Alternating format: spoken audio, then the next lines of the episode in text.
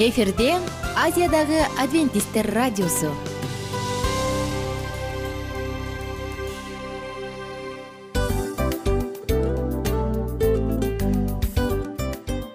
Достор салют. Баардык сүйүктүү угармандарыбызга салам айтабыз. Кутман күнүңүздөр менен. Ден соолук өмүрдүн булагы демекчи саламат саамы программасында баарыңыздарды көргөнүбүзгө абдан кубанычтабыз. Анда алгач амандашып өтөлү арбаңыздар деп. Ден соолугуңуздар кандай элибизде көбүнчө ден соолук кандай дегенде эле жакшы деп жооп беребиз э ооруп турсак дагы жакшы дейбиз. Анан мен муну айтып ойлойт элем бул абдан сонун сөз депчи анткени бул жакшы деген үмүт да ооба баары жакшы болот баары сонун. Деп үмүттөнүп атып эле өзүбүздү өзүбүз дарылап коебуз. Анысы кандай? Сиздин дагы ден соолугуңуз жакшы беш деген үмүттөбүз чындыгында ден соолук бул өмүрдүн булагы деп бекеринен айтылган эмес деп ойлойм. Кыргыз элинде анткени эгерде ден соолук жок болсо анда адамдын жашоосунда калган баардык керектүү маңыздуу нерселер өзүнүн баалуулугун жоготуп коет. Ошондуктан ден соолук бул эң керектүү нерсе. Ооба туура айтасың кесиптешим. Чынында ден соолугуң жок бир эки үч күн ооруп калсаң эле э кандай болуп калат? Жашоодо көз каранды болуп каласың көп нерсеге жетишпей каласың көп нерсени кыла албай каласың жада калса эшикке дүкөнгө да чыга албай каласың. Туптуура анан ден соолук болсо демек биз биздин бактыбыз тоодой деп койсок болот. Анда достор саламат саамы рубрикабызды баштайлы. Алдыда өзүңүзгө керектүү болгон сонун кеңештерди уга аласыздар. Мына ошондуктан биз менен бирге болуңуздар. Ал эми биз болсо милан жана айнура. Кеттик алга. Алга саламат саама ден соолуктун жарчысы. Саламат саама ден соолуктун ачкычы. Күн сайын сиз үчүн мыкты кеңештер сонун жаңылыктар кызыктуу фактылар. Биздин рубрикада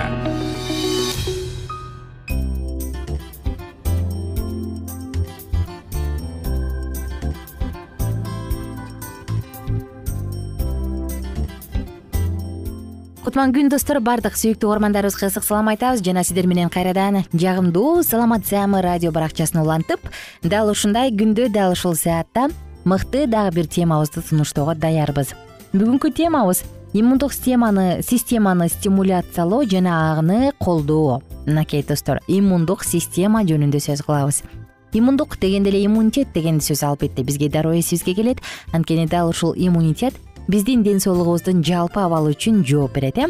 Иммундук системада сбой же бузулуу пайда болгондо көптөгөн кыйынчылыктар барат. Адамдын организминде рак клеткалары пайда болгонго чейин алып барат. Караңыздарчы иммундук системанын туура иштеши туура атака кылгандыгы туура функциясын аткаруу жашообузда абдан зор ролду ойнойт анан албетте ар бирибиз иммунитетибизди өзүбүз байкабастан же түшүнбөстөн ылдыйлатып төмөндөтүп алабыз эми достор бүгүн иммундук программа иммунитетти стимуляция жөнүндө сөз кылып жатып негизги максатыбыз эмне экенин да айта кетели. Бул организмди бекемдөө жана ал инфекциялар менен өзү ара эле өзүнчө эле күрөшө алыш үчүн ага жардам көрсөтүү. Биздин иммунитет же иммундук системабыз негизи бир оор татаал органдардын сети органдардын тармагын түшүндүрөт. Мында албетте көк боор бар вилочковая железа деп коебуз мандалиндер бар гланда же аппендикс жана ошондой эле анда лимфатикалык узел баштыкчалар деп коебуз э клеткалар лейкоцит жана лимфоцит сыяктуу кандын ак ак кандагы ак тактар же болбосо ак телолары деп коебуз. Булардын баардыгы тең координировать этип иштегендиктен булар эмне кылат булар организмге келген башка чоочун заттарды вирус бактериялардын баардыгын тең атака кылып дароо өлтүрөт. Тагыраак айтканда атайын түрдө өзүнүн функциясын аткарган специалдык атайы клеткалар жана молекулалар бар. Булардын баардыгы антитела деп аталат. Мына дал ушул нерселер организмге келген вирус бактерия айтор чоочун заттын баардыгын өлтүрөт. Иммундук системада мына сенин организмиңе ушундай башка нерселер кирет деген кол салуу тууралуу эс тутумда калат дагы кийинки жолу ал кайра организмге киргенде агрессорлор баардык аларды дароо аларды тааныйт дагы жок кылып өлтүрөт мына адамда антитела пайда болуп калыптыр деген түшүнүк дал ушул. Бул системаны жакшы сергек бойдон сакташ үчүн албетте организм жакшы абалда болуш керек. Тагыраак айтканда биздин тамактануубуз туура болгону жакшы. Караңызчы кандай гана керемет иштейбиз биздин организмде баардык органдар кандагы биртикчелерден баштап органдарга чейин укмуштуу система организмге башка чоочун зат кирери менен алар дароо барат дагы аны жок кылат. Анан кийинки жолу ал киргенде баягы келди дейт дагы ал бул деген чоочун деп туруп дароо өлтүрүп коет. Бул система туура иштеш үчүн дагы бир жолу айтайын тамактануубуз туура болушу керек. Тамактанууда эмне болуш керек?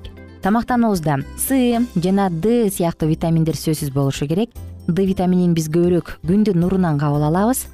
Минералдар бул селен цинк грек жаңгагынын курамында бар болгон э? Май уруктары бооп өсүмдүктөрү жана соктор жашылча соктор. Булардын баардыгы минералдар антиоксиданттар дагы керек. Булар албетте жашыл түстөгү жашыл пигменттүү азыктар да бар жана бета каротин бул болсо саргыч түстөгү азык түлүктөрдүн баардыгында бар дагы бир жолу айтайын. Бизде тамактануубуз туура болуш үчүн с жана в д витаминдери бар тамактар минерал антиоксиданттар болушу керек. Дал ушул мен жогоруда айтылган жашыл саргыч түстөгү азыктар жашылча мөмөлөрдөн жасалган сок сокторду иче турган болсок бул дагы иммунитетибизди бекемдейт. Бүгүн биз сиздер менен ушул тууралуу сөз кылмакчыбыз.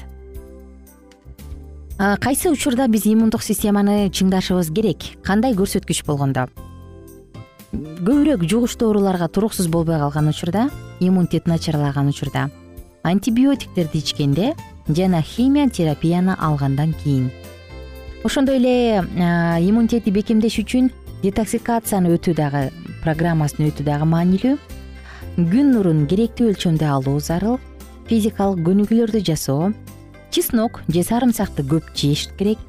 Ошондой эле токой мөмөлөрүн дагы земляника ежевика черника малина бар эмеспи ушуларды дагы жеген туура жана жакшы жана кошулма жасалма сахарларды колдонбой эле коюу дагы маанилүү. Эми достор биз иммунитетти стимуляциялоочу программаны жөнүндө сөз кылалык. Бир күнгө меню. Биринчи вариант. Эртең мененки тамак. Лимон суусу. Буга керектүү ингредиент болгон гана лимон суусу организмден көптөгөн токсиндерди чыгарганга жардам берет экинчи таңкы тамак. Боорду тазалоочу тамак сок. Ломбард капустасы бул баягы кызыл кызыл капуста деп да коет эмеспизби сабиз алма жана лимон ширеси. Жана түшкү тамакта бизге ломбард капустасы керек ушул эле жашыл черника кокос сүтү лимон ширеси. Булардын баардыгын түшкү тамакта сок кылып ичип койгон жакшы. Түштөн кийинки тамакка бизге иммунитетти чыңдоочу смузи керек бул үчүн керектүү ингредиенттер лимон майдаланган лимондун кабыгы цедрасы апельсин ширеси чийки чеснок майдаланган имбирь кайен переци жана бал. Жүз жыйырма беш миллилитрде жетимиш төрт килокалорий бар. Булардын баардыгы иммундук системди абдан жакшы кылат жана грипп сасык тумоо учурунда дагы мыкты жардамчы. Кечки тамакта асая согун ичебиз. Бизге асаянын мөмөлөрү жемиши керек мүмкүн аны кара черника менен же годжи жемиши менен дагы алмаштырып койсо болот. Биринчи вариант болду эми экинчи вариантты кыскача айтсам. Таңкы тамакта бизге бүтүн лимон анда калорий жок дал ушул бүтүн лимондон биз сок ичебиз. Экинчи таңкы тамакта противомикробный же микробко каршы смузи ичебиз. Бизге керектүү брокколи ананас ширеси черника керек. Бул иммундук системаны гана чыңдабастан кайсы бир конкреттүү бактериялар менен дагы каршы күрөшөт. Мисалы хеликобактер жана зара чыгаруучу каналдардагы вирустар менен күрөшөт. Түшкү тамакта кокос сүтүнөн жасалган сокту ичип койсок болот. Түштөн кийинкиде апельсин ширесин жана кечки тамакта үч пигменттүү сокту ичсек болот. Бул үчүн шпинат сабиз жана черника ширеси керек. Дал ушул азыктарды ичип туруу менен биз өзүбүздүн организмибизди гана чыңдабастан иммундук системаны дагы толук чыңдап ден соолугубузга кам көрөбүз. Оорубаңыздар бар болуңуздар.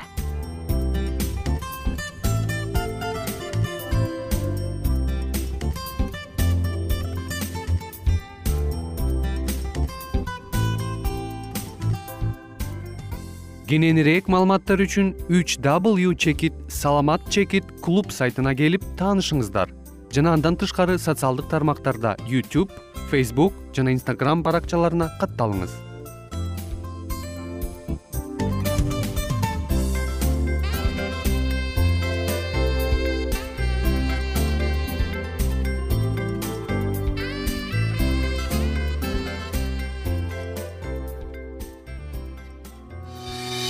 саламат саама ден соолуктун жарчысы. Саламат саама ден соолуктун ачкычы. Күн сайын сиз үчүн мыкты кеңештер сонун жаңылыктар кызыктуу фактылар биздин рубрикада.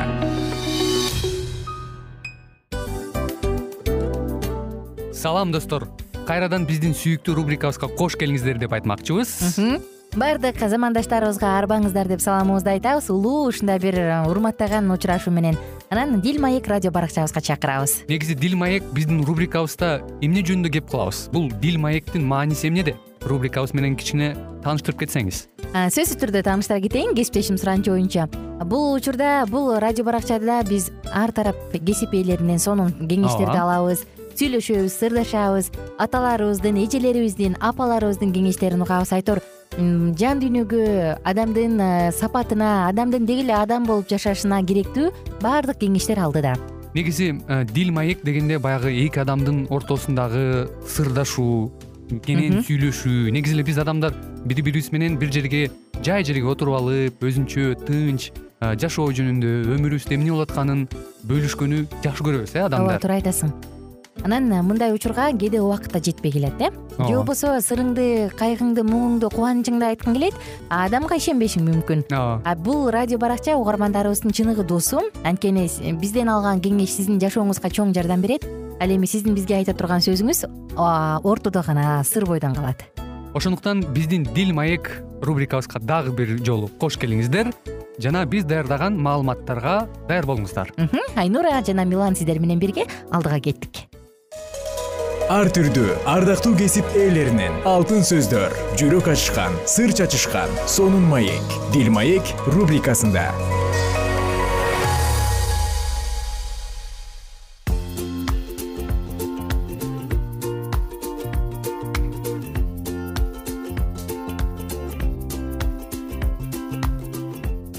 салам достор. Биздин сүйүктүү угармандарыбыздын баардыгына ысык салам айтып кайрадан сиздер менен дил маек радио баракчасында руханий мурас деп аталган саатыбызды улантабыз. Руханий мурас жашыя деп аталган сегмент жана дил маек радио баракчасы. Биз менен бирге болуңуздар. Лебилердин уруу башчылары дин кызматчы элязар нундун уулу жашия жана ысрайылдын уруу башчыларынын алдына келишти. Алар ал убакта канаандагы шила шаарында эле. Лебилер жараткан эгебиз мусага лебилерге жашаганга шаарларды төрт түлүк малына жайыттарды бергин деп буйруган болчу деп айтышты. Ошондо жараткан эгенин буйругу боюнча ысрайыл эли өз үйлүштөрүнөн лебилерге шаарларды тегерек четиндеги жайыттары менен кошо беришти. Биринчи өкчөмө таш леби уруусунун кааттын уругунан чыккан дин кызматчы арундун урпактарына ташталды. Аларга жүүт шымон жана бенжамин урууларынын жерлеринен үч шаар энчиге берилди. Кийинки өкчөмө таш кааттын калган уруктары үчүн ташталды. Аларга эпрайым дан жана иордандын батыш тарабындагы манаш уруусунун жарымынын жерлеринен он шаар бөлүнүп берилди. Өкчөмө таштын түшкөнү боюнча гершон уругуна ысахар ашыр напталы жана иордандын чыгыш тарабындагы башан жериндеги манаш уруусунун жарымына тийиштүү жеринен он үч шаар бөлүнүп берилди. Мерари уругуна рубейин гад уруулары жана забулун урууларынын жеринен он эки кала берилди. Жараткан эгенин муса аркылуу берген амирине ылайык ысрайыл эли өкчөмө таш таштап ушул шаарларды тегерек четиндеги жайыттары менен кошо леби уруусуна бөлүп берди.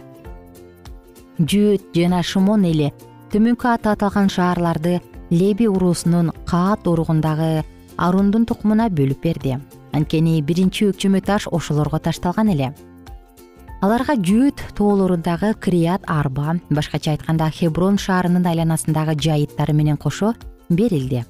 Арба анактардын түпкү атасы болгон. Бирок бул калаага караштуу талаалар менен айылдар жапындын уулу калепке энчиге берилди дин кызматчы арундун урпактарына баш баана шаарлардын бири болгон хеброндон сырткары төмөнкү шаарлар да жайыттары менен кошо берилди. Либна жатир эштемоа холон дебир айын ута бейт шемеш шаарлары. Ушул тогуз шаар жөөт жана шымон урууларынын жерлеринен берилди. Ал эми бенжемин уруусунун жеринен гибон геба анот жана алмон шаарлары баардыгы болуп төрт кала айланасындагы жайыттар менен кошо берилди. Арундан тараган дин кызматчыларга баардыгы кошулуп он үч шаар жайыттары менен тийди өкчөмө таштын түшкөнү боюнча леби уруусундагы кааттын калган уруктарына эпрайым уруусунун жеринен бул шаарлар тийди кокустан киши өлтүрүп алгандар үчүн башпаана шаарлар болуп саналган эпрайым тоолорундагы шекем менен газер кипсайым бейт хорон баардыгы болуп төрт шаар жайыттары менен берилди. Дан уруусунун жеринен элтикей гиптон аялон жана гат римон баардыгы болуп төрт шаар жайыттары менен берилди. Иордандын батышындагы манаш уруусунун жарымынын жеринен эки шаар таанах менен гатримон жайыттары берилди. Каат уругунун калган тукуму жайыттары менен он шаарды алды леби уруусундагы гершон уругуна болсо иордандын чыгышындагы манаш уруусунун жарымынын жеринен чокуу кокусунан киши өлтүрүп алган адамдар үчүн башпаана шаарлардын бири башандагы голан жана бештера эки шаар жайыттары менен берилди. Ысахар уруусунун жеринен болсо кишион жана дебарат жармут эйин ганим баардыгы болуп төрт шаар берилди. Ашыр уруусунун жеринен мишал абдон хелкат хероб баардыгы болуп төрт шаар берилди.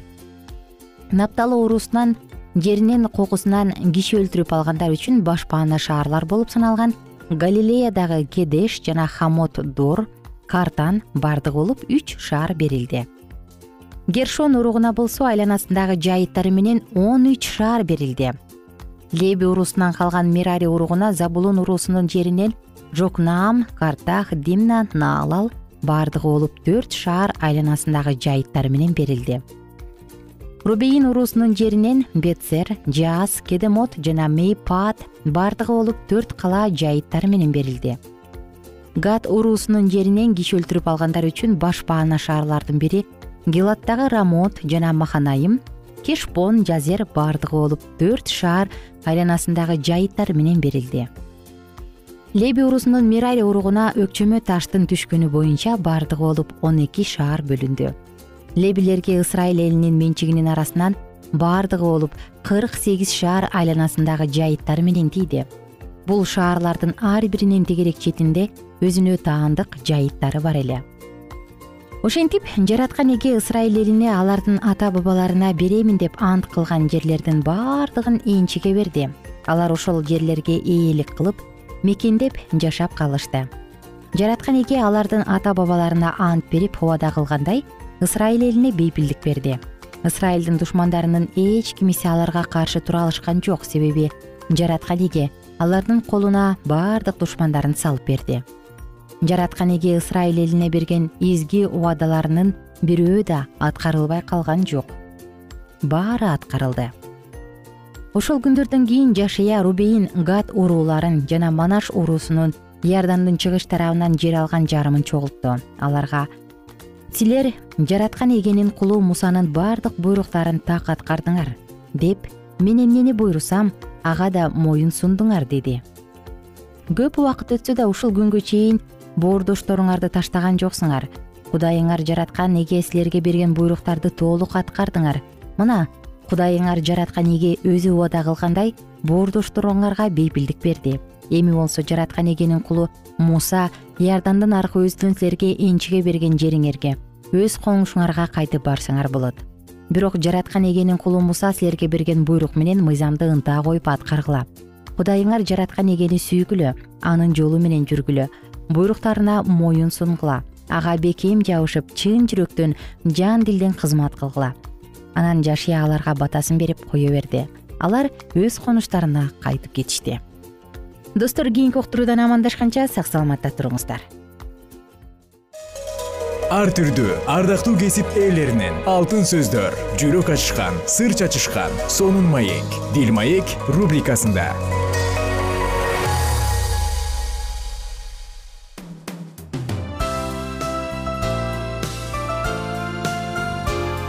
эфирде азиядагы адвентисттер радиосу.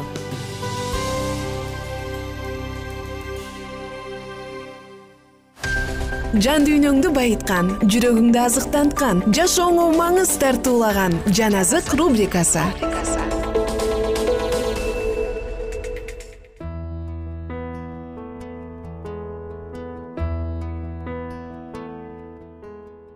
саламатсыздарбы сүйүктүү достор баардыгыңыздар менен амандашып жан азык радио баракчасын баштадык. Тип жана анын шам чырагы деп аталган сонун аңгемени андан ары улантабыз. Мурунку уктурууда биз тип менен перинин сүйлөшкөн жеринен бүтүргөнбүз. Тип тапшырмаларыңдын баарын аткардың беле? Сен чачыңды бүгүн тараган эмес окшойсуң э?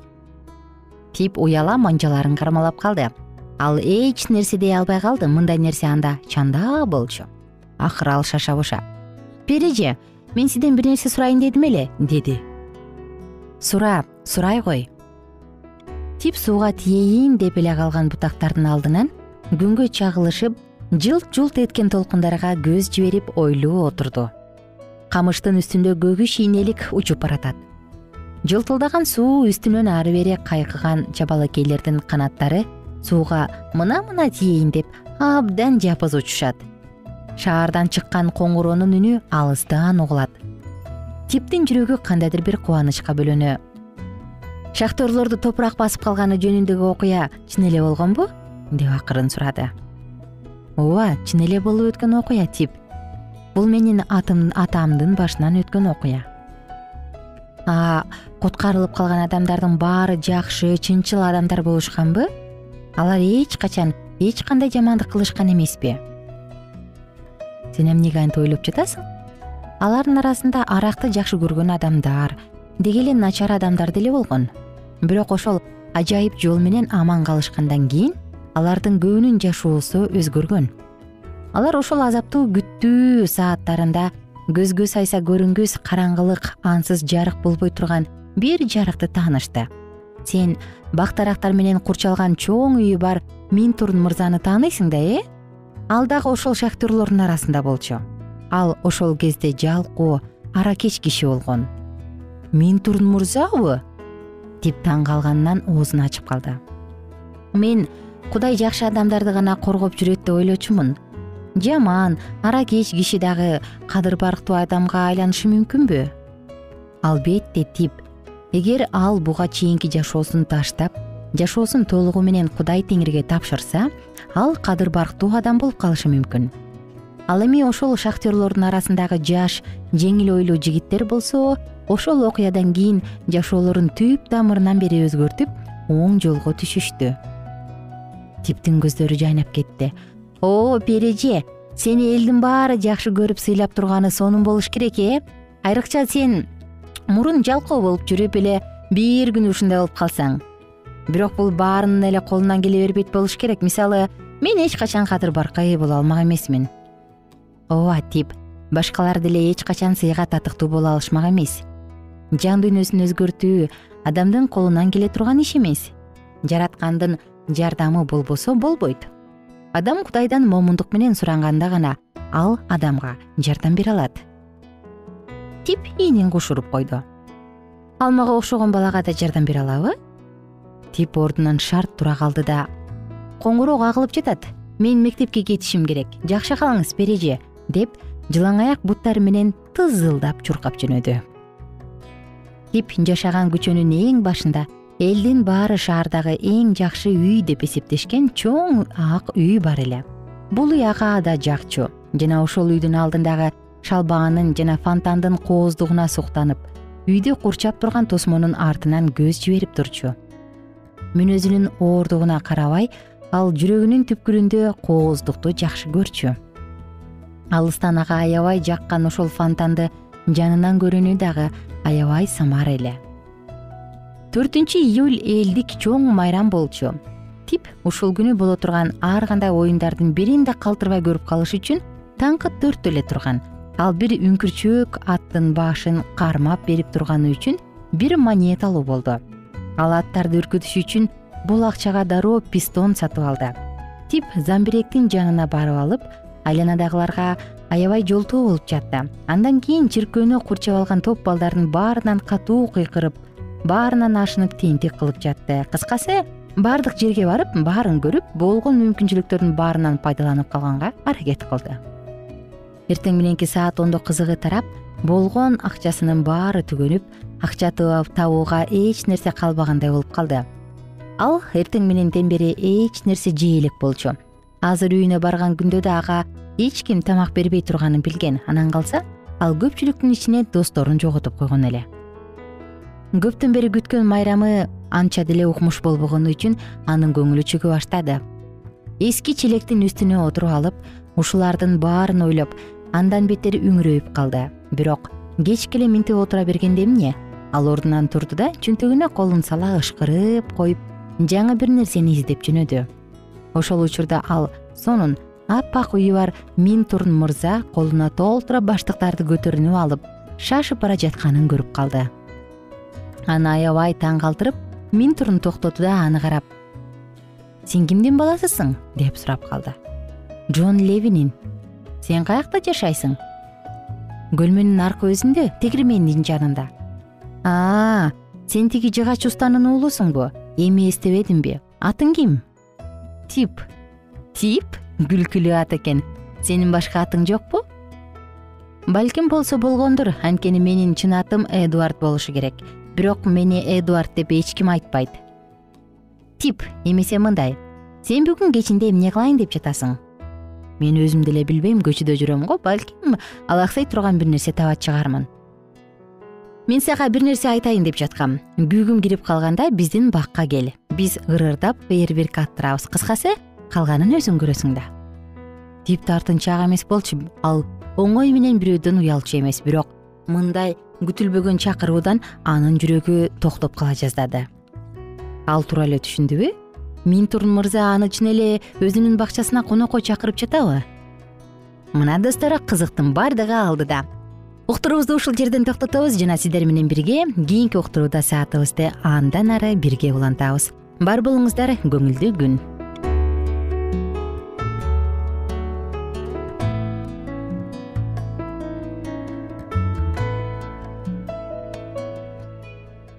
Эгер сиздерде суроолор болсо же көбүрөөк маалымат билем десеңиз анда биздин whatsapp номерибизге жазыңыз. Плюс бир үч жүз бир жети жүз алтымыш алтымыш жетимиш. Кайрадан плюс бир үч жүз бир жети жүз алтымыш алтымыш жетимиш